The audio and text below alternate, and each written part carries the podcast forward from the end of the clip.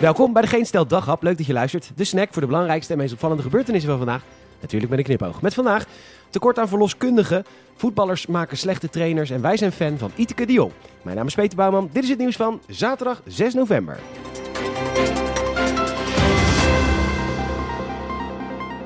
Er is een beddentekort bij de verloskunde, ook daar. Er zijn te weinig verpleegkundigen om te helpen bij een bevalling, al dus de Telegraaf. En dat is natuurlijk lastig. Menig vrouw vindt het maar niks om te werpen in een kartonnen doos onder de trap. En een van de oplossingen is volgens Tessa Moring van de beroepsvereniging VNVN een 24 uur schoonmaaksdienst die de troep opruimt na de bevalling.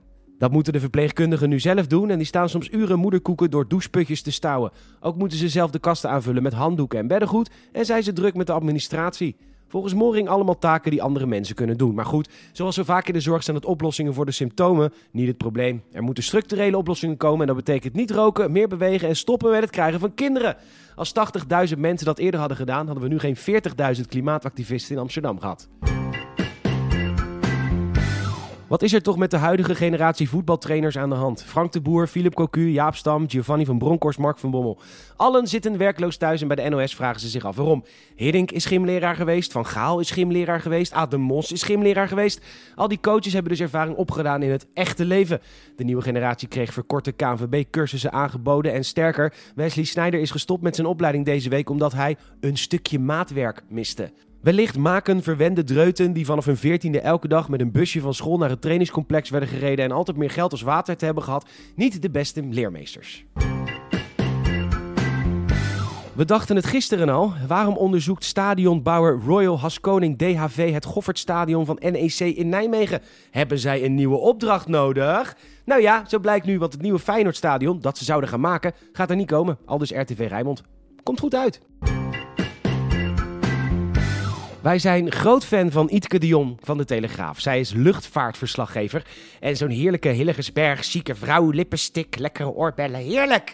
Zij vertelt over het Amerikaanse luchtruim dat weer open gaat. 58 vluchten per week zullen er uitgevoerd worden richting de Verenigde Staten, mits volledig gevaccineerd. Ondertussen lezen we bij nu.nl dat KLM wederom de grootste ontvanger is van loonsteun. Je zou maar leiding geven aan de KLM. Wel lekker, want je hoeft echt helemaal niks te kunnen. Je bestaat meer dan 100 jaar na drie weken corona waren de buffers al op. En dan krijg je loonsteun. En zelfs als dat niet genoeg is, dan kun je altijd Wopke Hoekstra bellen voor wat extra geld. Budget service bieden voor een premium prijs was nog nooit zo leuk. Maar goed, wij blijven fan van Iteke de Jong. Het is weer weekend en dus worden veel lezersvragen beantwoord in de kranten. En domme vragen bestaan natuurlijk. Zo ook bij het AD.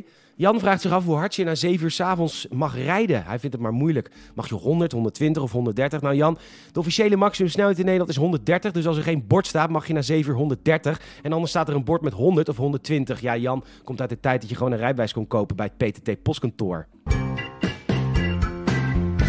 Bij de Volkskrant vraagt een anonieme vrouw zich ook ernstige dingen af. De baarmoederdraagster heeft een dochter van 12, geboren uit twee witte ouders. En dat dochtertje wil graag cornrows, een soort haarstijl, net als haar Surinaamse vriendinnetje. En nu vraagt de vrouw zich af of ze haar 12-jarige dochter moet uitleggen dat het dus niet mag, omdat het culturele toe-eigening is. Nee, vrouw uit, hoe kan het ook anders? Haarlem. Niet haar vriendschap verpesten met regels waar jij je denkt aan te moeten houden. En heel, heel, heel misschien gaat je dochter niet zo worden als jij. En dat zou echt heel, dat zou echt heel fijn zijn voor haar. Bedankt voor het luisteren. Je zou ons enorm helpen als je een vriend of vriendin vertelt over deze podcast. Je kan een Apple Podcast review achterlaten.